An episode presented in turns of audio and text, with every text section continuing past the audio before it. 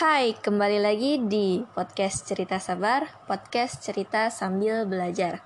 Bersama gue, Kafatina Islami Zidna. Di episode kali ini, uh, eh, gue akan uh, melanjutkan dari pembahasan episode sebelumnya.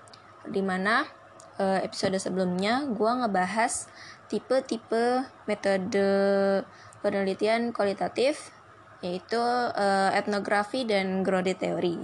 Nah, pada episode kali ini, gue akan ngebahas tipe-tipe lain dari metode kualitatif, yaitu fenomenologi. Ya, dan juga uh, action research. So, gak usah berlama-lama lagi, uh, kita langsung aja lanjut ke pembahasannya. Oke? Okay?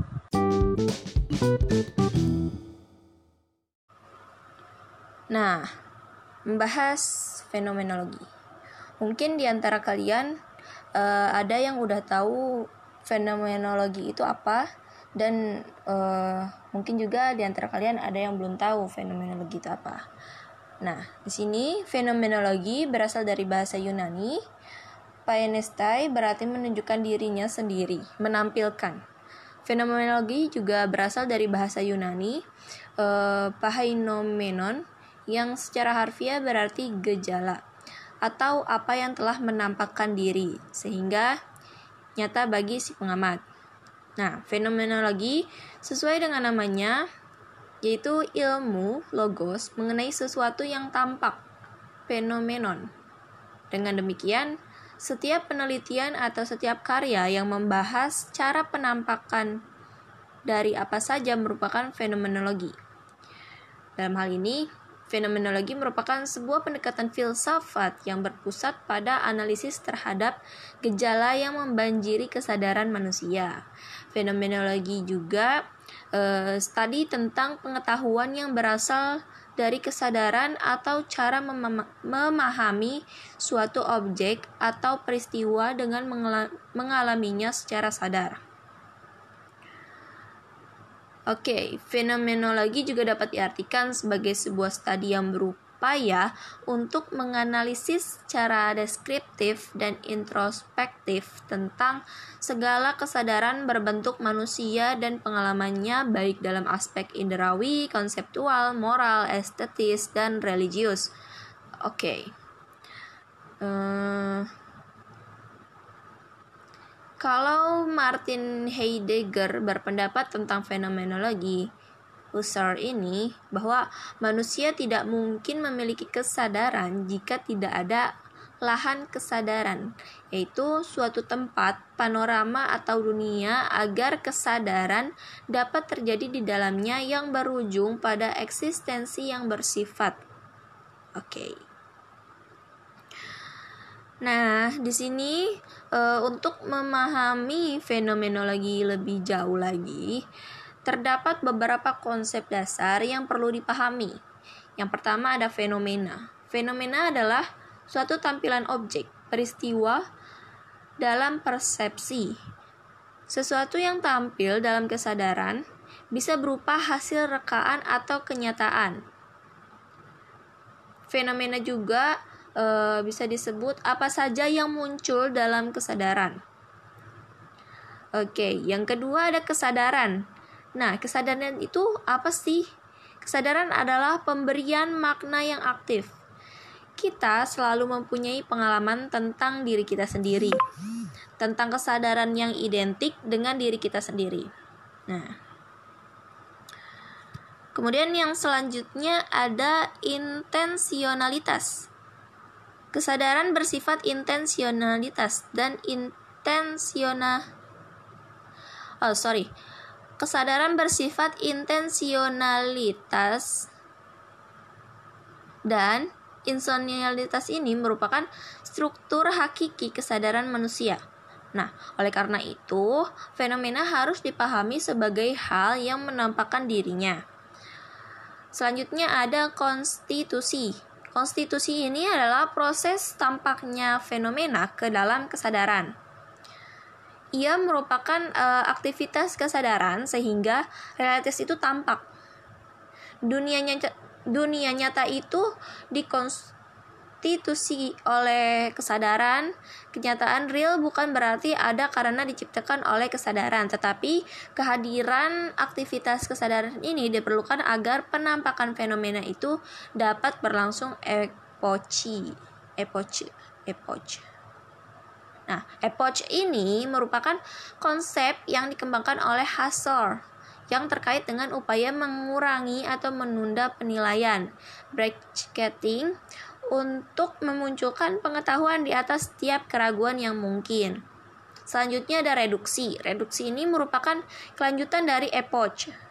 Nah, manusia memiliki sikap alamiah yang mengandaikan bahwa dunia ini sungguh ada sebagaimana diamati dan dijumpai. Namun, untuk memulai upaya fenomenologis, kita harus menangguhkan kepercayaan ini. Inilah yang dimaksud dengan e, reduksi fenomenologis atau disebut pula reduksi transendental atau epoch itu sendiri.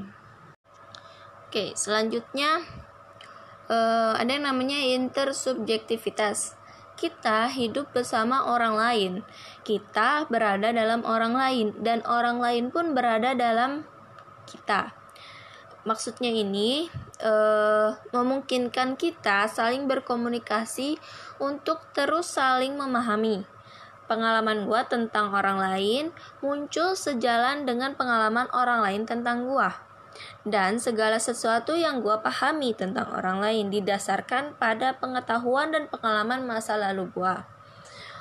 Oke, selanjutnya ngebahas metode penelitian fenomenologi. Penelitian fenomenologi merupakan upaya pemberangkatan dari metode ilmiah yang berasumsi bahwa eksistensi suatu realitas tidak orang ketahui dalam pengalaman biasa. Nah, fenomenologi membuat pengalaman yang dihayati secara aktual sebagai data dasar suatu realitas. Metode yang digunakan adalah deskriptif dan bertujuan mengungkap intensionalitas kesadaran, dan dunia kehidupan. Sebagai metode, fenomenologi merupakan persiapan bagi setiap penyelidikan di bidang filsafat dan bidang ilmu pengetahuan positif. Satu-satunya alat untuk itu adalah bahasa. Nah, fenomenologi memiliki metode atau langkah. Pertama, melihat fenomena sebagai esensi, sebagai fenomena murni. Fenomenologi melakukan reduksi, yakni semacam abstraksi, melihat sesuatu yang menutup mata untuk hal lain. Reduksi yang pertama adalah menghadap sesuatu fenomena sebagai hal yang menampakkan diri dan tidak melihat hal itu sebagai hal yang ada. Reduksi yang kedua adalah kita melihatnya sebagai sesuatu yang umum. Kita memilih uh, kita melihat esensi kita tidak melihat orang sedang mengajar di kelas, misalnya, tetapi memandangnya sebagai dunia pendidikan. Reduksi ketiga adalah kita menutup mata untuk hal yang berhubungan dengan kebudayaan. Reduksi terakhir, eh, reduksi trans transendental yaitu e, bahwa fenomena dilihat dari segi supraindividual sebagai objek untuk suatu subjek umum. Nah, e, kemudian prosedur dan fokus penelitian ini itu apa? Nah, Hal utama yang menjadi fokus dalam penelitian fenomenologi yaitu yang pertama textural description.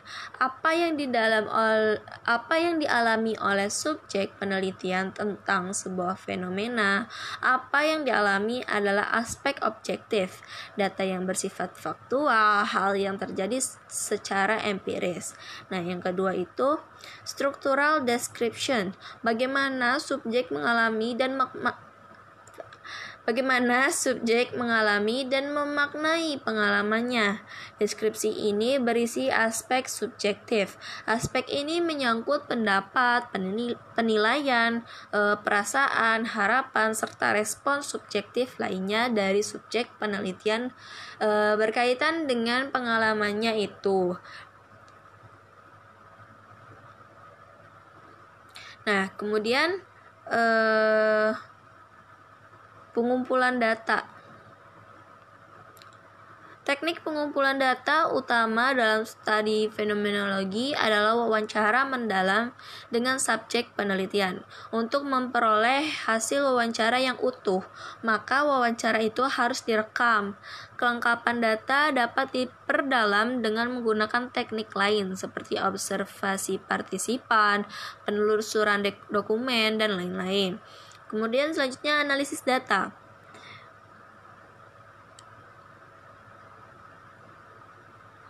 Terdapat prosedur penting dalam melaksanakan studi fenomenologis. E, yang pertama itu menetapkan lingkungan fenomena yang akan diteliti. Peneliti berusaha memahami perspektif filosofis di balik pendekatan yang digunakan, terutama konsep mengenai kajian bagaimana orang mengalami sebuah fenomena. Peneliti menetapkan fenomena yang hendak dikaji melalui para informan. Kedua, menyusun daftar pertanyaan. Setelah e, menemukan fenomena, apa yang ingin di uh, teliti selanjutnya menyusun daftar pertanyaan untuk kita mencari tahu apa yang dapat kita teliti dari fenomena ini. Nah, Peneliti menuliskan pertanyaan penelitian yang mengungkap makna pengalaman bagi para individu serta menanyakan kepada mereka untuk menguraikan pengalaman penting setiap harinya. Oke. Setelah uh, menanya uh, adanya fenomena uh, pengumpulan pertanyaan, menyusun pertanyaan, Selanjutnya ada pengumpulan data, data yang didapat dari pertanyaan-pertanyaan tadi. Oke, peneliti mengumpulkan data dari individu yang mengalami fenomena yang diteliti itu. Nah, itu dia. Selanjutnya ada analisis data. Peneliti melakukan analisis data fenomenologis.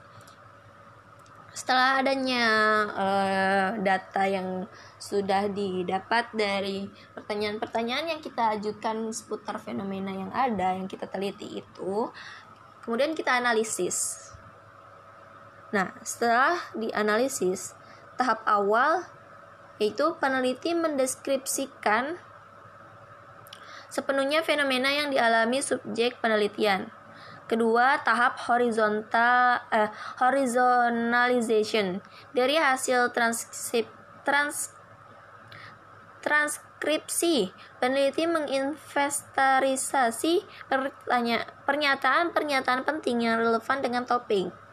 Yang ketiga, tahap cluster of meaning. Selanjutnya, peneliti mengklarifikasikan pernyataan-pernyataan tadi ke dalam tema-tema atau unit-unit makna serta menyisihkan pernyataan yang tumpang tindih atau berulang-ulang.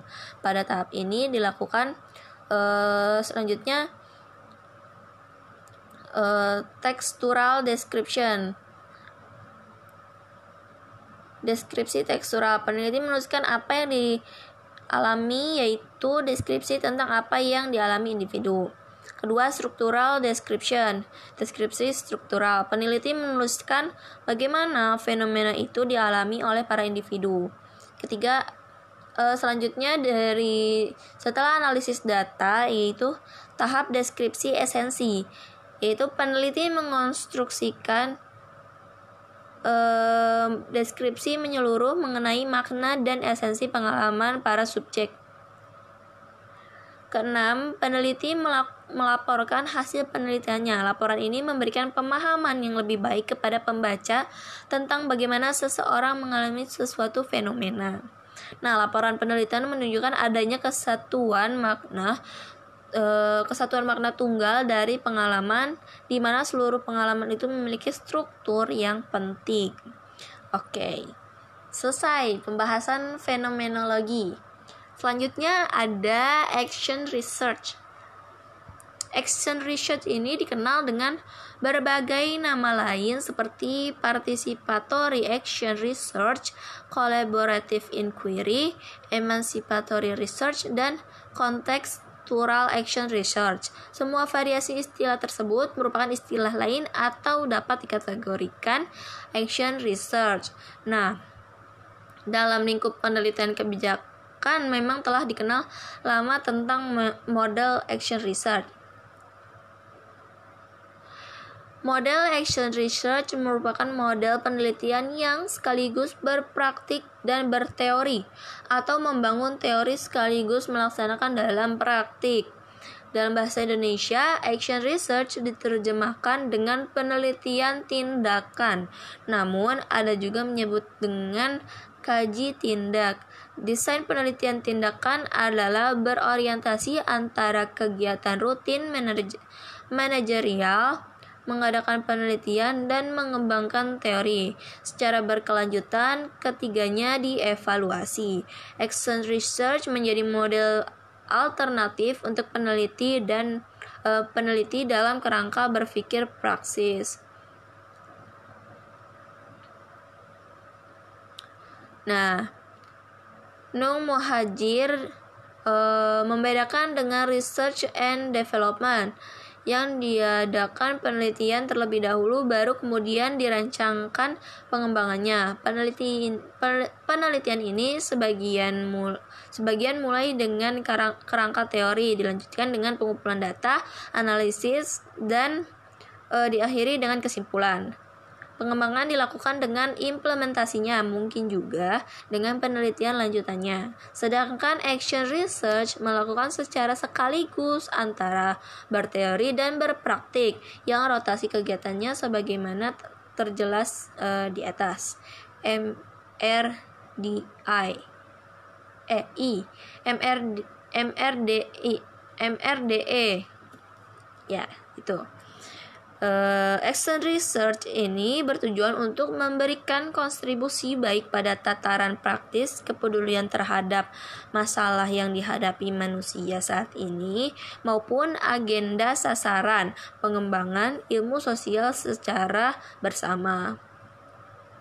Uh, maka dari itu uh, terdapat dua komitmen dalam action research untuk mempelajari sebuah sistem dan sekaligus berkolaborasi dengan anggota sistem uh, tersebut dalam rangka menuju pada arah yang diinginkan.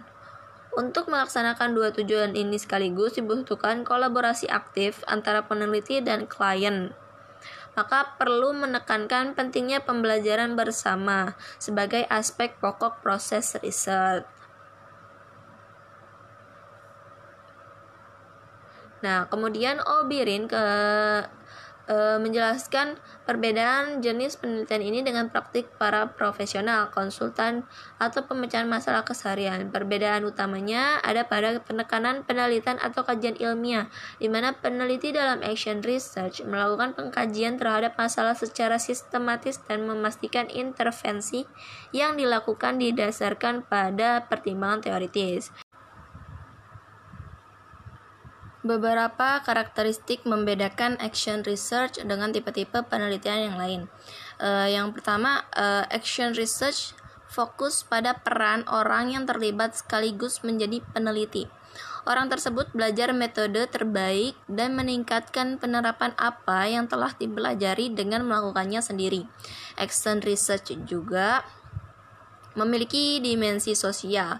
Peneliti menempatkan diri dalam situasi nyata dengan tujuan untuk menyelesaikan masalah. Peneliti utama tidak perlu terlalu objektif, namun justru membagi pendapat-pendapatnya personalnya kepada partisipan yang lain untuk mencapai langkah yang berhasil dan berdaya guna. Perbedaan karakteristik di sini memperlihatkan bahwa penelitian tindakan merupakan penelitian kualitatif yang memiliki keterlibatan intens peneliti dengan masalah dan objek penelitian. Peneliti juga perlu melakukan pemberdayaan terhadap objek penelitian dengan terlibat dalam pemecahan masalah tersebut. Peneliti juga tidak perlu terkooptasi dengan prinsip ob objektivitas penelitian sebagaimana dalam aliran uh, positivis empiris. Titik berat penelitian tindakan yaitu pada perubahan dan mengatasi masalah nyata di objek penelitian sehingga terdapat kontribusi nyata dan langsung terhadap objek penelitian dalam mengatasi masalah. Nah, kemudian proses action research itu bagaimana? Uh, ada beragam pemikiran mengenai tahapan dan proses action research yang uh, diidentifikasi oleh Obirin. Di antara yang dikemukakan oleh Kemis dengan uh, mengembangkan suatu model sederhana proses siklus alami action research yang tiap siklusnya terdiri atas empat tahapan. Yang pertama perencanaan, kedua tindakan, yang tiga pengamatan, dan yang terakhir keempat refleksi. Nah, Secara ringkas, tahapan dalam action research terdiri atas siklus diagnosis e, masalah, perencanaan tindakan, pelaksanaan tindakan, dan evaluasi tindakan. Oke. Okay. Um,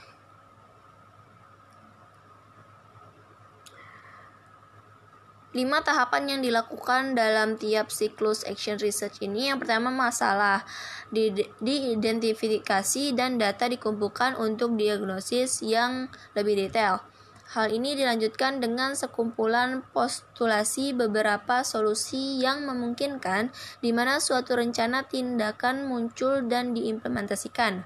Data sebagai hasil intervensi dikumpulkan dan dianalisa, dan berbagai penemuannya diinterpretasikan dengan sejauh mana kesuksesan dari tindakan yang telah diimplementasikan. Akhirnya, masalah kembali diukur dan proses ini memulai siklus selanjutnya. Proses ini berlanjut sampai masalahnya dipecahkan. Oke, lanjut ke prinsip-prinsip action research. Nah, ada enam e, ringkasan komprehensif dari prinsip-prinsip utama action research. Yang pertama ini kritis relektif atau refleksif kritiku. Nah, kebenaran dalam setting sosial bergantung pada yang menyampaikan.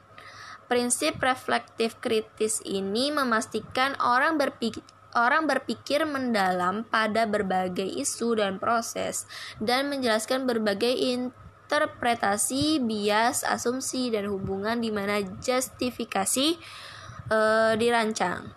Dengan cara ini, catatan-catatan praktis dapat meningkatkan pertimbangan teoritis. Yang kedua ada kritis dialog dialogis. Uh, khususnya realitas sosial. Uh, divalidasi berdasarkan kesepakatan. Fenomena dikonsepsikan secara dialogis, di mana kritik dialogis diperlukan untuk memahami sekumpulan hubungan di antara fenomena dan konteksnya, dan di antara elemen-elemen yang membentuk fenomena tersebut. Nah, ketiga ada kolaborasi sumber daya. Partisipan dalam proyek Action Research merupakan anggota peneliti. Prinsip kolaborasi sumber daya menganggap bahwa tiap ide individu merupakan sumber daya yang sama-sama signifikan dalam membuat pengelompokan pemaka pemaknaan analisis yang dinegosiasikan di antara para partisipan. Uh, hal ini mengupayakan pencegahan dominasi pencetus atau pemegang ide awal semata dan memungkinkan adanya pengumpulan informasi mendalam baik dalam satu sudut pandang ataupun berbagai sudut pandang. Yang keempat ada risiko. Proses perubahan berpotensi merubah cara-cara melakukan sesuatu yang sebelumnya mapan. Uh, hal ini menimbulkan ketidaknyamanan psikologis di antara para pelaksanaan atau pihak yang terkait. Salah satu ketakutan utama datang dari risiko adanya pembatasan ego ego yang ditimbulkan dari diskusi terbuka terhadap interpretasi, ide, dan penilaian-penilaian seseorang. Uh, selanjutnya ada teori praktik perubahan. Bagi peneliti action research, teori memberi informasi dalam praktik dan praktik menghasilkan pengembangan teori. Nah, dan keduanya berlangsung berkelanjutan. Nah, dalam beberapa rancangan, tindakan seseorang didasarkan atas asumsi, teori, dan hipotesis yang dianut, serta uh, tiap hasil yang di, yang teramati kemudian akan membentuk pengembangan uh, teoritis. Keduanya merupakan uh, aspek yang saling terkaitan dalam proses perubahan. Proses ini juga uh, bergantung pad, uh, bergantung dari dari para peneliti dalam membuat justifikasi teoritis. Pada tindakan-tindakan yang diambil dan mengembangkan dasar-dasar dasar-dasar justifikasi tersebut. Terapan praktik berikutnya digunakan untuk analisis selanjutnya dalam siklus perubahan yang secara berkelanjutan, bergantian dengan penekanan pada teori dan praktik sekaligus. Kemudian penggunaan action research, action research ini uh, action research ini digunakan dalam situasi nyata untuk berfokus pada pemecahan masalah-masalah yang nyata. Uh, action research juga digunakan oleh ilmuwan sosial untuk penelitian awal, khususnya dalam merencana, uh, khususnya dalam merancang pertanyaan penelitian yang tepat. Penggunaan penelitian ini juga dapat digunakan oleh para praktisi yang ingin meningkatkan pemahamannya terhadap praktik yang uh, dilakukan ataupun aktivis uh, perubahan sosial yang melaksanakan sosialisasi tindakan atau program. Nah, dan akademisi yang diminta oleh pengambilan keputusan karena adanya suatu masalah yang perlu uh, penelitian tindakan, namun kurang menguasai pengetahuan metodologis terkait dengan masalah tersebut. Uh, penelitian tindakan uh, digunakan untuk menyelesaikan masalah praktis yang dijumpai dalam organisasi atau komunitas dengan mengikuti uh, para pihak terkait. Nah, kemudian pembahasan yang terakhir ada jenis-jenis uh, dari action research. Nah, jenis-jenis action research ini terbagi kepada empat aliran besar yang dikenal pada pertengahan tahun 1970-an. Yang pertama itu ada traditional action research. Pendekatan aliran ini cenderung konservatif, biasanya mempertahankan status quo pada struktur kekuatan, kekuatan dan kekuasaan organisasi. Metode ini diambil dari yang biasa digunakan oleh Kurt Lewin, Bapak Action Research, dalam organisasi yang sering digunakan digunakan dalam hal pengembangan organisasi, kualitas kehidupan kerja, dan sistem sosial teknik. Dan juga ada demokrasi organisasi. Kemudian yang kedua ini ada kontekstural action research. Disebut konstek kontekstural karena mencoba menyusun kembali hubungan struktural di antara para pelaku dalam suatu lingkungan sosial, melibatkan semua pihak dan stakeholder yang terkait domain base tiap partisipan memahami kerja keseluruhannya holografik dan menekankan bahwa para partisipan bertindak sebagai perancang proyek dan anggota peneliti. Yang ketiga ada radical action research. Aliran ini memfokuskan pada emansipasi pembebasan dan mengatasi ketidaksi ketidakseimbangan kekuasaan. Aliran ini berakar dari dialektikal materialisme Marxis yang cenderung radikal dan revolusioner. Participatory action research tergolong dalam jenis ini.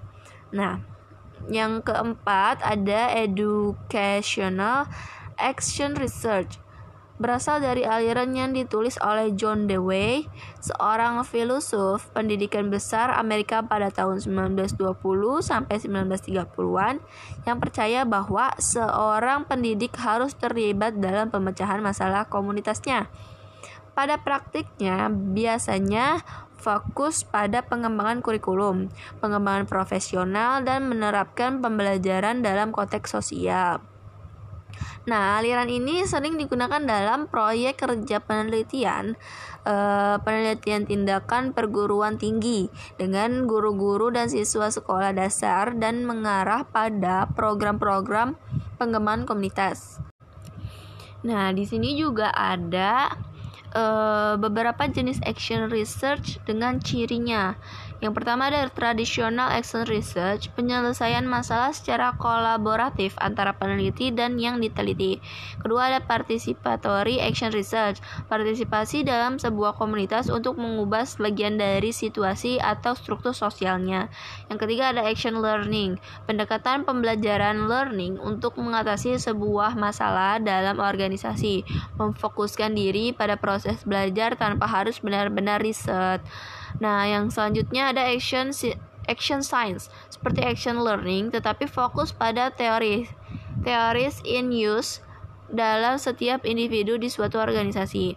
Dan selanjutnya ada development action inquiry, pengembangan dari action science, penggunaan metode ilmiah dalam kehidupan sehari-hari, menekankan pada pengembangan individu agar dapat secara kolaboratif menyelesaikan masalah bersama.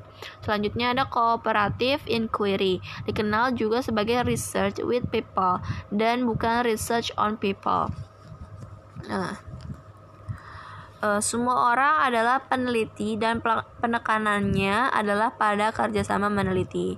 Selanjutnya ada clinical inquiry khusus untuk counseling, pekerja sosial, konsultan pengembangan organisasi yang masuk ke dalam situasi dan kondisi organisasi yang ditelitinya. Mungkin uh, pembahasan episode kali ini cukup sekian. Uh, jangan bosan-bosan dengerin suara gua tiap minggunya. Bahkan uh, setiap minggu uh, kali ini bakal ada uh, dua episode sekaligus ya dalam seminggu. Dengerin terus pokoknya podcast cerita sabar ini dari awal sampai akhir karena semoga aja dapat bermanfaat untuk kalian yang mendengarkan uh, khususnya untuk saya sendiri untuk gua. Ya. Yeah. Oke, okay, untuk kalian yang punya kritik dan saran untuk podcast cerita sabar ini, kalian bisa langsung aja DM ke Instagram gue yang udah ada di deskripsi. So, ketemu lagi di episode selanjutnya. Bye.